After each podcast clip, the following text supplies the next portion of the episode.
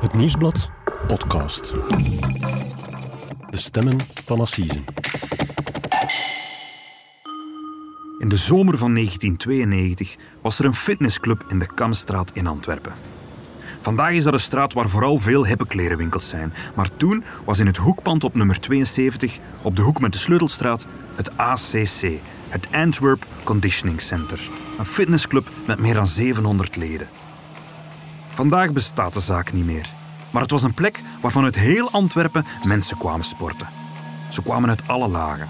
Je had er de portiers die op de benchpress gewichten kwamen heffen en die daarna plaats maakten voor meneer dokter. De dokwerkers die kwamen er aan de toestellen sleuren, maar ook advocaten, acteurs uit een toneelgezelschap en die brachten dan weer hun vrienden, de variété-artiesten, mee. Boven, op de tweede verdieping, was een zaaltje waar er lessen karate werden gegeven. En een uur later stroomde het zaaltje eronder vol met vrouwen die op televisie de Amerikaanse superster Jane Fonda aan het werk hadden gezien. En die nu ook aan aerobics wilden doen. And inhale. Proberen we zo'n beetje eh, die, die fitness in te beelden, want ik weet niet waar dat was op de hoek. Was het zo één verdiep of twee verdiepen? Het was gelijkvloers. Gelijkvloers, dat was fitness. En het eerste verdiep, dat was, soort van zumba of zoiets. De man met wie ik hier in gesprek ben is Daniel.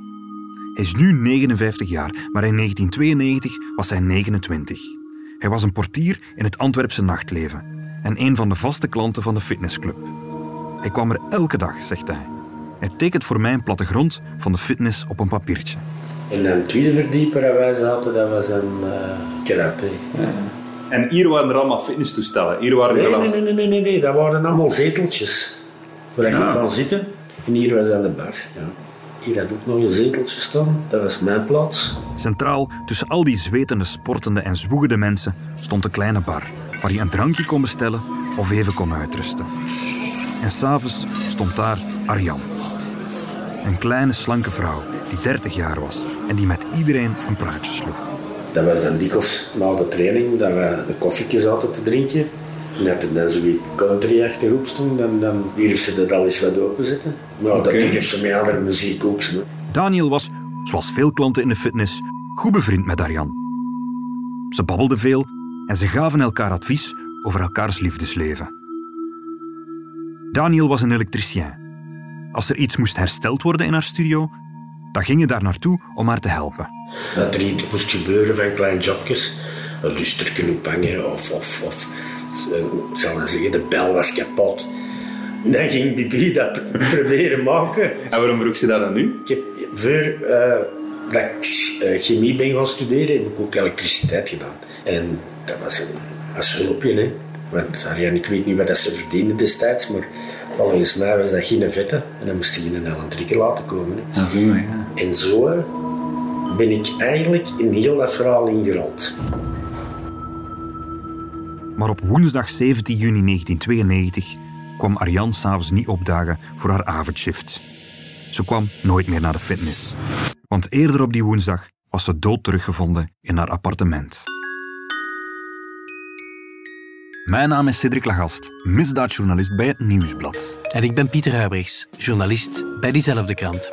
En dit is de tweede aflevering van een special van onze podcast De Stemmen van Assise. Over een Vlaamse seriemoordenaar die bekende dat hij vier vrouwen om het leven bracht. De glazenwasser van Deurne.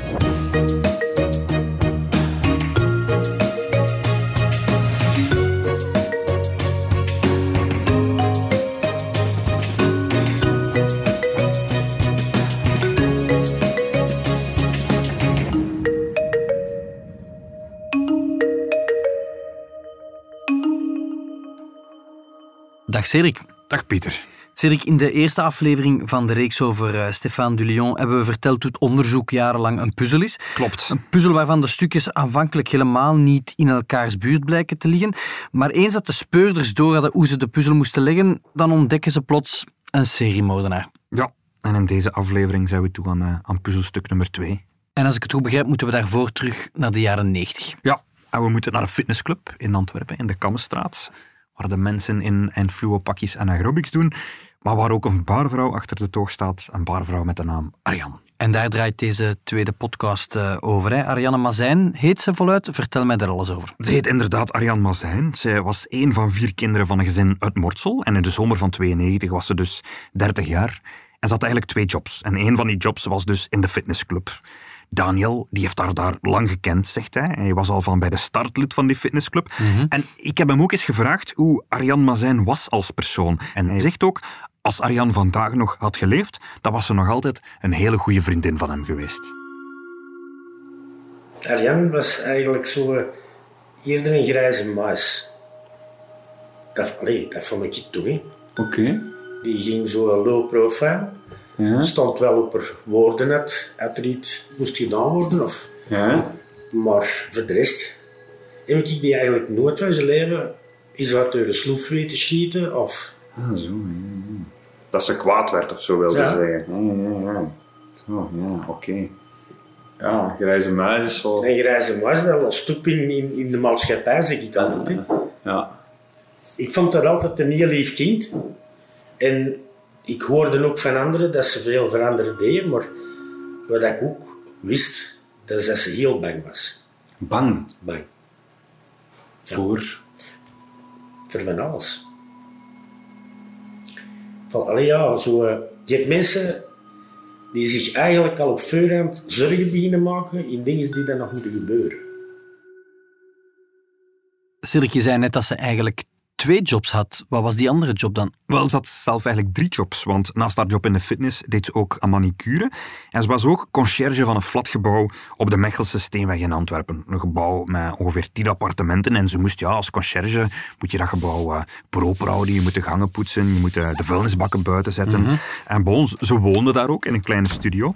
En eh, sinds een goede vier maanden woonde ze daar samen met haar vriend Joël. En dat was een cafébaas uit Antwerpen. En hij was eigenaar van het café Het Peert in de Wiegen. Dat is een intrigerende naam voor een café. Ja, ik heb me laten uitleggen dat het eh, op die plek ooit in Antwerpen een soort van paardenkwekerij of zo moet geweest waren, waar kleine veulens geboren werden. En, en daarvan zou de naam komen. Maar bon, in de jaren negentig was dat een, een, een bruine kroeg in het centrum. En ik heb Ben Joël een enige tijd geleden al even gaan opzoeken. En hij heeft verteld, ja, ze waren toen effectief elf maanden samen. En hij heeft me ook verteld hoe dat ze elkaar hebben leren kennen. Dat was op een optreden van Rod Stewart in de pannen. Have I told you lately that I love you? Ik heb haar leren kennen door een vriendin van haar. En die woonde toen bij haar. Oké, Chris. En die werkte bij mij de zaterdag. Als dienster. in het café. In het café. En zo heb ik Ariane leren kennen. Maar ik zat bij zo over Ariane geklapt. En ze zei, oh, die hè, in het fitnesscenter. Dus ik ben er eens heen gegaan. En ik zag die. En ik denk, allee, dat is ze. Maar ik draaide naar haar genoemd en dan zag ik dat ze van jonger was. Dus ik die is heel 14 jaar. Ik denk, dat zal, zal niet mij zijn. en dan zijn we, hebben ze eens afgesproken voor naar eh, dingen te gaan. Dat was niet in Pinkster juli. Naar eh Rod Stewart in de pannen, een optreden. En ik met Ariane. En dan die Chris was er ook bij. En toen is die avond is begonnen.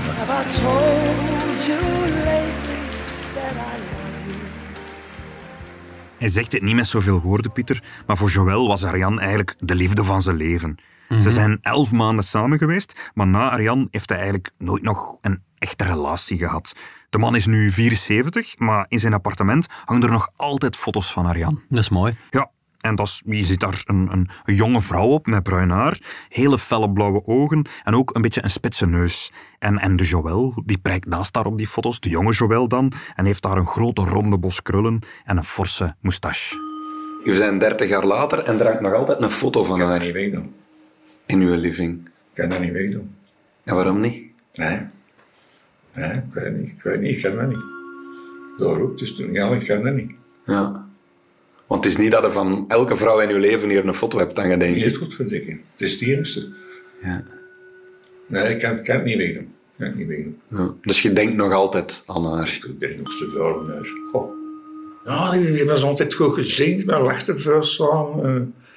eh. Ja, maar nee, dat, was, dat klikte gewoon. Ze zeggen op iedere pot pakt een beetje. Ja. Dat paste ongelooflijk. En er is geen enkele vrouw die aan haar kon tippen eigenlijk. Nee, nee, echt waar niet. Dat zweer ik, dat is een ongelooflijke vrouw.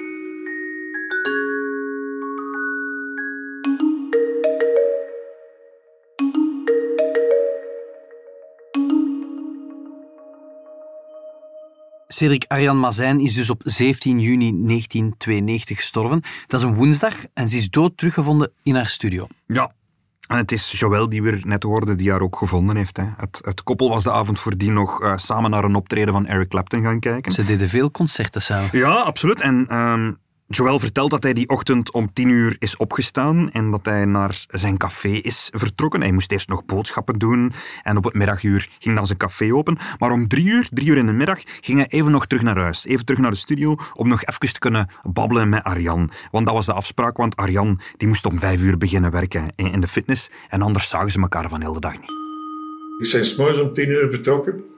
Ik ben mijn dochter gaan halen. We zijn naar de, de post gereden. En eh, dan heb ik mijn dochter afgezet in het café. En dat was dan een uur of kwart voor twaalf, ik zoiets. Ik heb dan boodschappen gedaan. Ben terug naar het café gegaan. Ik heb er gestaan tot half drie. Ik heb eerst nog gegeten en dan ben ik mijn auto gaan halen. En dan ben ik naar Arjen gereden en ik ben er ook aan een draaiuur en een paar minuten kwijt dat het draaiuur was. Ik kwam binnen en wat mij opviel, dus, de man stond er een rijden altijd op. En ik kwam binnen, dat was kwijt niet stil. Er zat twee pauzen, die, die pauzen waren ook niet te zien. Hè. En ik kwam in de, in slaapkamer en ik zie ze liggen. Half uitgekleed. Ik kwam binnen en ik zei, schat, wat is er? En terwijl ik zeg, schat, wat is er zijn dat er gebeurd is? En ik had ze niet meer gevonden. Dat, dat dat vergeet je dus niet. Dat vergeet je dus niet. Ik zie er nog altijd liggen. Arjan Mazijn was in haar slaapkamer vermoord, Pieter. Ze lag op haar rug op het bed, ze was verkracht en vervolgens gewurgd en met tien messteken om het leven gebracht. Maar dat laatste, dat van die messteken, ehm, dat verschijnt zanderdaags niet in de krant. Dat wordt eigenlijk vakkundig uit de media gehouden. En waarom? Ja, om het onderzoek niet te schaden. Ze hopen dat ze dat eigenlijk later, op een later moment, nog zullen kunnen gebruiken. En, en heel opvallend ook, Pieter, eh, Joël zegt eigenlijk, hij denkt dat hij de moordenaar die middag nog gekruist heeft in de gang. Heeft hem niet gezien, maar net naast de voordeur van het appartementje was eigenlijk een klein berghok waar Ariane al haar poetsmateriaal eh, verzamelde. En Joël denkt dat hij daar een, een, een soort van snikkend geluid gehoord heeft. Hoe bedoel je, iemand die zat te huilen? Of? Ja, ik denk dat de moordenaar zich daar verstopte en dat hij eigenlijk aan het huilen was. Ik kwam binnen het appartement en dat is ook ik ben 100% zeker. Ik heb iets gehoord dat ik er binnenkwam in die hal. En hoe wat was dat precies in de hal? Je komt binnen, je hebt de, de inkom. Hè. Tussenin waren er nog vier deuren. Ook in het glas allemaal. En dan een gang. En als ik daar binnenkwam, hoorde ik, ik hoorde niets. En het was geen muziek, het was ook niet iemand die sprak of zo. Maar ik had meer de indruk, zo, nou ding, hè, denk, zo iemand die aan het beletten is. Dus daar stond iemand. Ja, volgens mij zat hij er nog. De wereld trekken ze van onder de voeten, hè. Gewoon van alles daar op kop. Wie, waarom, allee, hoe kan dat nou? En, oh. en dan zit ook dat vertrouwen in de mensen kwijt, hè. Ja? Ja, ja. ja. Omdat hij niet weet wie dat gedaan ja, heeft. Dat is frustrerend. Het is aangrijpend als je Joël hier hoort vertellen. Het is duidelijk dat hij de liefde van zijn leven kwijt is en dan nog op zo'n dramatische, eh, vreselijke manier. Het klinkt ook een beetje, Cedric, als, als iemand die die klap nooit te boven is gekomen. Ja, dat is zo. Maar er, er volgt nog een tweede klap. Ehm, eigenlijk, eerst is er nog de begrafenis. Er verschijnt nog een, een rouwadvertentie in de krant, waar zijn naam naast die van haar ouders staat. Ook al zijn ze niet getrouwd. Al zijn ze nog maar een paar maanden samen. En er volgt ook nog een grote, trieste begrafenis. De begrafenis was zeker 200 man. Amai. Ja, verschuilt daar ook van. Nee. Ja. Op de, bij de begrafenis zelf zei haar moeder nog tegen mij, ja, we weten dat Ariane de Listman gelukkig was met jou. Maar dan, twee weken nadien, komt plots de politie aankloppen bij Joël. En, en de speurders die maken hem eigenlijk heel snel duidelijk dat zij hem verdenken, dat zij denken dat hij de dader is. En waarom verdenken ze hem? Wel, de reden is, is, is een incident uit het verleden, zegt hij. Want bijna twintig jaar eerder had hij een eerdere relatie met een andere vrouw. En, en die relatie was eigenlijk op een vrij pijnlijke manier afgelopen. En die vrouw zou na de moord op Ariane aan de politie zijn gaan vertellen dat ze in der tijd slaag kreeg van Joël. En dus had je de hypothese van de speurders, die Joël, dat moet wel een vrouwenmishandelaar zijn. Ja, inderdaad, maar het gaat nog verder. Ook de ouders van Ariane denken plots dat hij de dader moet zijn. Jarenlang eh, wordt Joël keer op keer ondervraagd door de politie. Hij moet een test met de, met de leugendetector afleggen. Ze verhoren hem onder de hypnose. Hij moet DNA afstaan. Maar, maar nooit wordt hij gearresteerd. Nooit wordt hem uiteindelijk iets te lasten gelegd. Want er is nooit bewijs tegen hem. Maar telkens weer laten ze hem verstaan. We denken dat jij het geweest bent. Dat is niet niks, hè, als ze, als ze verdenken van moord. Zeg. Ja. Ieder jaar. Ja, ik had zo geen levenslust ook niet meer zo. Dat is zo echt. Nee. Nee, ik voelde me echt niet goed. Weet wanneer dat ze gezegd tegen mij, dat ze dat ik er niks mee te doen heb? Na de tweede uh, leugendetector. En we kwamen terug en in de noten zei hij hier met die twee jaar, dan zijn we zeker dat je er niks mee te maken hebt. En in die kaart werd een proficiat na tien jaar.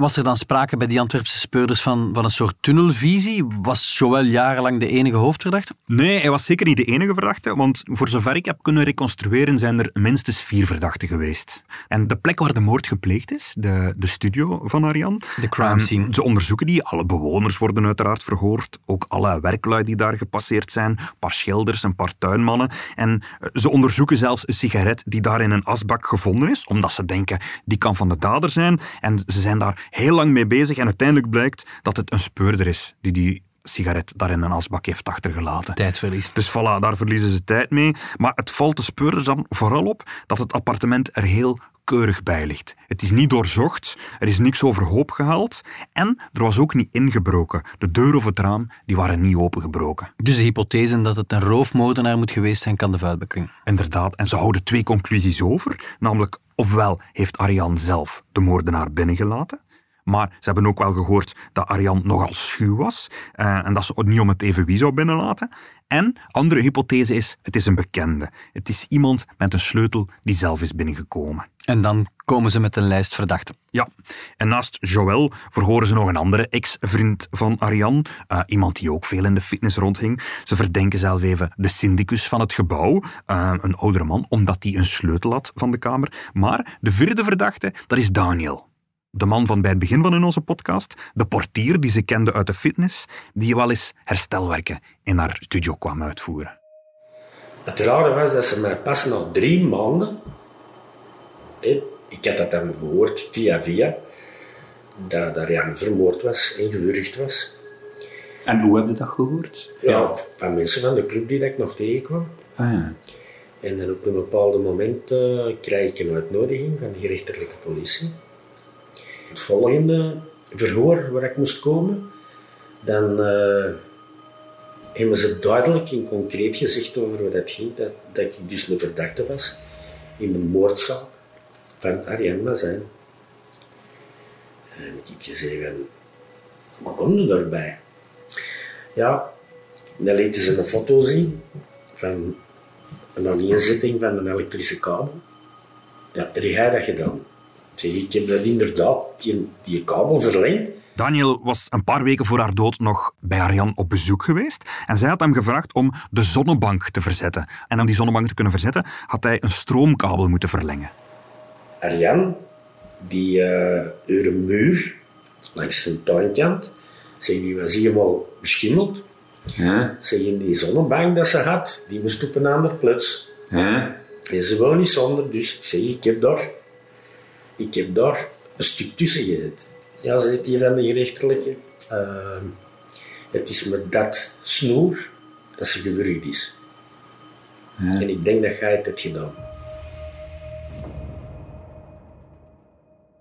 En hij ondergaat hetzelfde parcours als Joël. Hè. Hij moet ook DNA afstaan, vingerafdrukken. En uiteindelijk moet hij ook een test afleggen met de leugendetector in Everen. Toen nog bij de Rijkswacht. Hij moest helemaal naar Brussel om zo'n test te doen vroeger. Ja, en het is die test die hem uiteindelijk vrijpleit, zegt hij. Het is pas dan dat ze eigenlijk alles aanleggen. Hoe een bloeddruk, hoe eh, hartslag, hoe spanning op de buik. ja. En eh, dan kreeg je tien vragen. Waar er twee of drie blanco vragen in zitten. En een van de vragen was of dat ik op de hoogte was dat Arjan mijn messteken was vermoord. En dat had ik nooit niet gehoord. Na weet ik dat, dat ze dus bij elk onderzoek, gerechtelijk onderzoek, dat ze één aspect achterhouden dat alleen een dader kan weten. Dus dat je daarop faalt in op een polygrafische test. Ja, ik heb heel die test afgelegd. En dan zijn er mensen gaan delibereren. En uiteindelijk, pff, ik denk drie kwartier, kwam die Zuid-Afrikaan binnen en die zei: mij heb je er niks mee te maken. Ja. Dat heeft zo'n dalige impact op de mens, dat je eigenlijk even niet weet waar je staat. En ook die twee andere verdachten, die blijken er ook niks mee te maken te hebben. Die sporen lopen ook dood. En eigenlijk eindigt zo in alle stilte het onderzoek naar de moord op Arjan Mazijn. Haar beide ouders zijn in 2005 overleden en het onderzoek dat verdwijnt in een kast, jarenlang, en niemand weet wie haar om het leven heeft gebracht.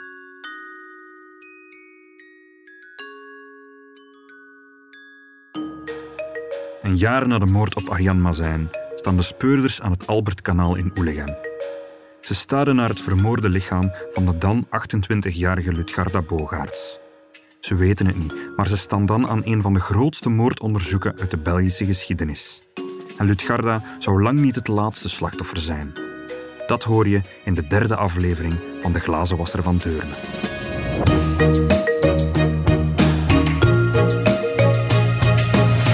Dit was De Stemmen van Assise, een podcast van het Nieuwsblad. De stemmen waren van Pieter Huibrechts en van mezelf, Cedric Lagast.